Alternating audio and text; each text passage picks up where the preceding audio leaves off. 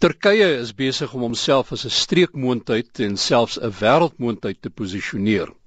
Aldus beeld se politieke redakteur Jan Jan Joubert gister in daardie koerant. Die land is ook in die kollig met adjunkpresident Galema Motlanthe wat later vandag na Turkye vertrek op 'n amptbesoek. Vir meer daaroor praat ons nou met Jan Jan Joubert. Môre Jan.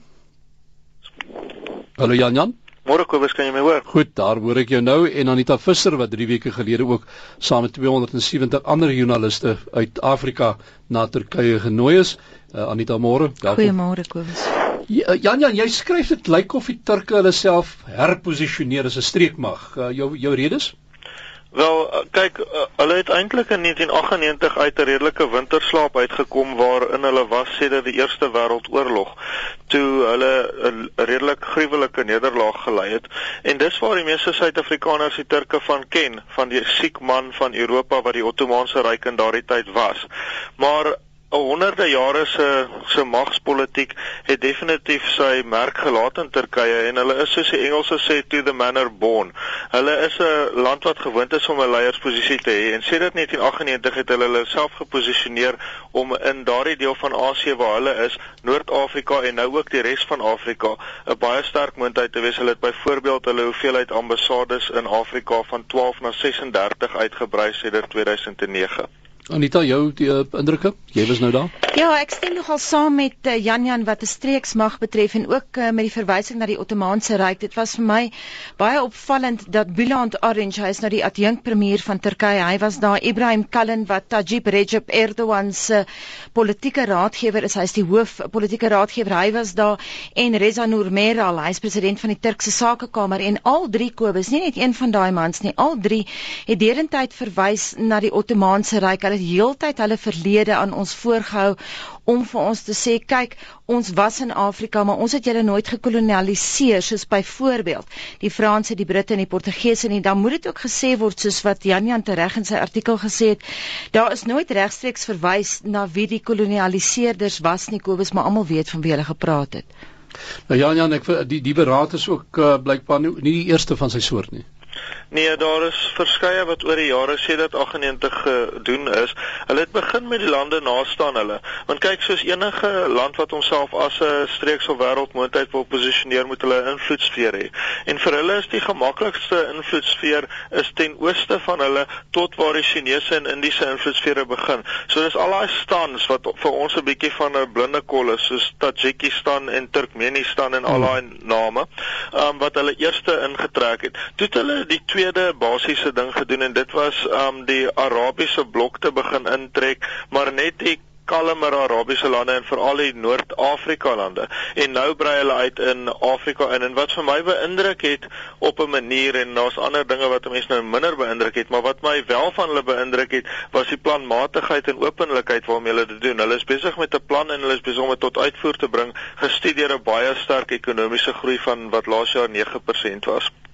Aneta, jy het nou tydens die beraad berig dat uh, jy die gevoel gekry dat die Turkse regering spesifiek vry na Afrika. Mm, baie beslis so. Ek is bly Jan Jan het nou verwys na die diplomatieke missies wat hulle besig is om uit te brei. Hulle maak hierdie jaar nog 3 3 diplomatieke missies in Afrika oop. Maar vir my wat interessant was, ek weet nie Jan Jan of dit jou opgeval het nie. Hulle het nogal groot gewag gemaak spesifiek van Somalië.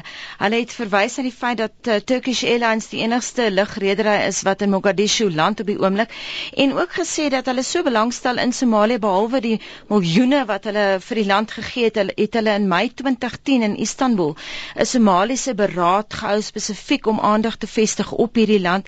Maar vir my ook baie interessant eh, was die feit dat Ibrahim Kalin daar was as hoofpolitiese raadgewer van Recep Erdogan en hy het verwys na die feit dat Afrika relatief naby aan Turkye is, dat Afrika baie belangrik is en uh, weer eens ook het uh, die Turkse diplomaat Numan Hazar verwys na die feit dat hulle sedert 98 al het hulle in Ankara verklaar hulle gaan 'n oop Afrika beleid hê, maar die inisiatief wat eintlik begin het in opsigte van Afrika Kobus was uh, eh, 2005 wat verklaar is tot Afrika jaar en dis dan ook die jaar wat hulle waarnemerstatus by die AU gekry het en hulle het in 98 het hulle strategiese vennoot van Afrika geword. So baie baie belang uh, wat hulle het by Afrika en dit was vir hulle baie belangrik om daai punt te maak dat Afrika nie beskou beskou word as een of ander agterbakse klein kontinent waar niemand hulle steur nie.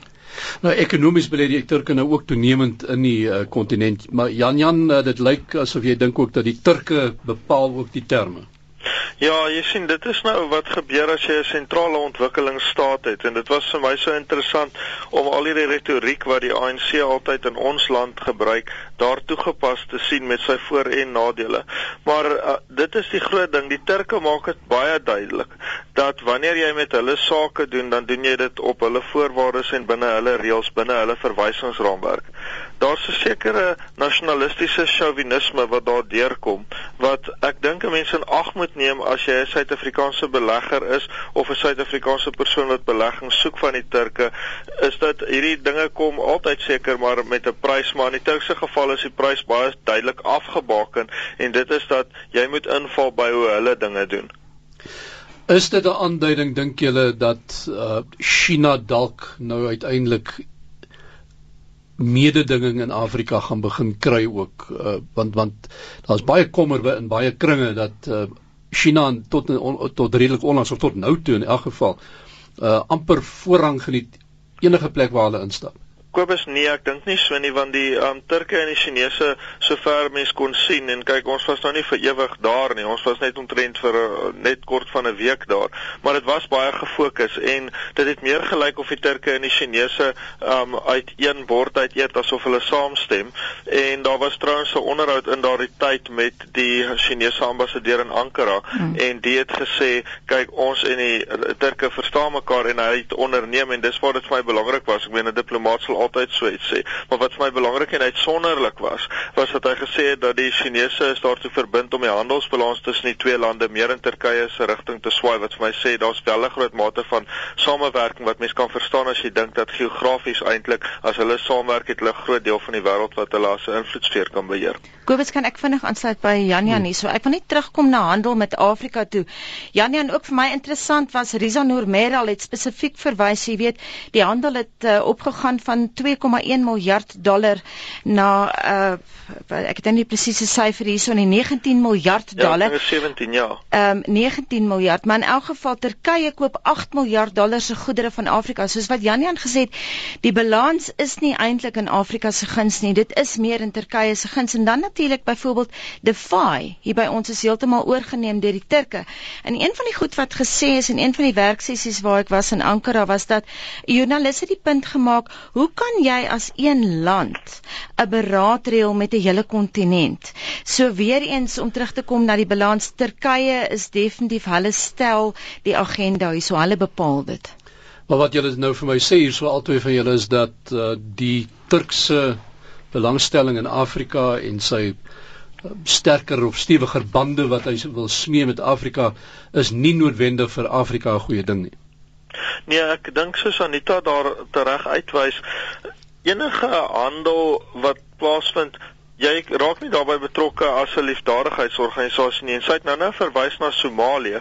Nou natuurlik Somalië is bietjie van 'n wat die Engelse sal sê 'n basket case. Is nie eintlik die beste voorbeeld van 'n goed funksionerende staat in die wêreld nie trouens is miskien die teenoorgestelde. Hmm. Maar die feit dat die Turke daarin beweeg, wys ook dat hulle 'n uh, geleentheid sien, want waar so 'n staat is en waar daar in so 'n staat nie veel belangstelling van elders is nie, skep dit 'n vakuum vir jou om betrokke te raak aan die taak. Ek weet nie of jy saamstem nie, maar dit lyk vir my asof die Turke nogal inisiatief kan toon.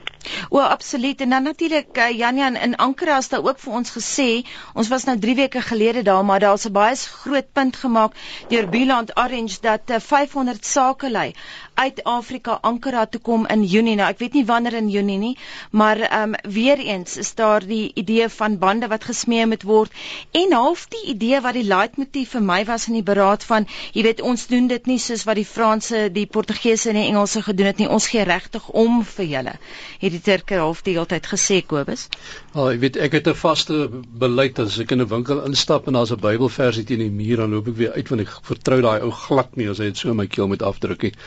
As 'n land vir Turkye vir my sê maar hy doen dit omdat hy vir Afrika omgee, dan uh, Jan Jan moet ek regtig ook 'n vraagteken daarby plaas. Wel ek, ek weet nie van die Bybelversies nie, maar ek was baie baie ongemaklik geweest met met die Turke se se ehm um, inslag, hoewel aan die ander kant as iemand wat nou nie so baie soos Anita met die goed werk nie, was dit vir my nogal verfrissend dat dit nie dat dit nie versluier was nie. Um hulle het gesê presies wat hulle wil hê. Hmm. Hulle het daar aangekom en vir ons of gesê hierdie is wat ons op die tafel sit.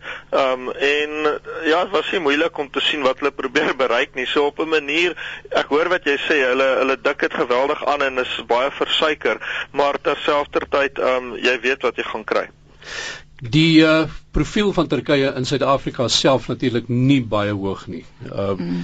en uh, ek wil vir my verstout om te sê dat Suid-Afrika behoort miskien baie deeglik te dink oor die terme wat hy self gaan stel as hy daardie profiel wil laat verhoog.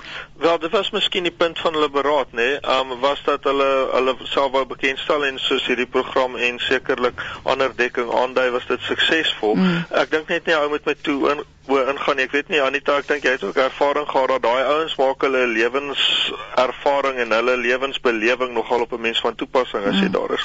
Ja, nee, wat vir my baie interessant was, ek het baie gehou van die voorlegging wat Nouman Hazar gegee het. Hy was nou 'n afgetrede Turkse ambassadeur. Hy was onder meer in Nigerië, maar hy was ook in Rwanda en hy het die punt gemaak dat dit nie net ons is nie Kobus wat nie skryf vir die Turke nie, maar in Turkye self word daar relatief min aandag gegee aan Afrika en uh, daar was 'n baie goeie voorbeeld 2001 het Chad se president en sy vrou Turkye besoek en die Turkse media het groot gewag gemaak van hulle kleurvolle tradisionele klere drag en so aan maar nie een woord is gerep oor die feit dat die Ottomans um Noord-Chad ook regeer het. En Noord-Chad was deel van die Ottomaanse ryk. En toe vra Nouman Azar die vraag weet die Turkse media dit ken hulle hulle eie geskiedenis? So ek dink dit sny na beide kante toe. Ek weet nie hoe voel jy nie Jan Jan Ja, ek dink net um ek dink groot ding hierso is dat um mens moet weet, hier is 'n land wat baie ambisies het, wat baie geld het en wat baie belangstel om met ons sake te doen, maar wat spesifieke reëls het. So 'n ou moenie deur die lewe gaan en nie weet wat die geleenthede is en die gevare is nie. En ek dink dit was half die doel van om ons daar te kry en ek dink daarin het hulle geslaag. Ja, ons het gepraat met Anita Visser, jou kollega hierso by uh, Monitor en dan ook met Jan Jan Joubert, hy is die politieke redakteur van Beeld, die dagblad.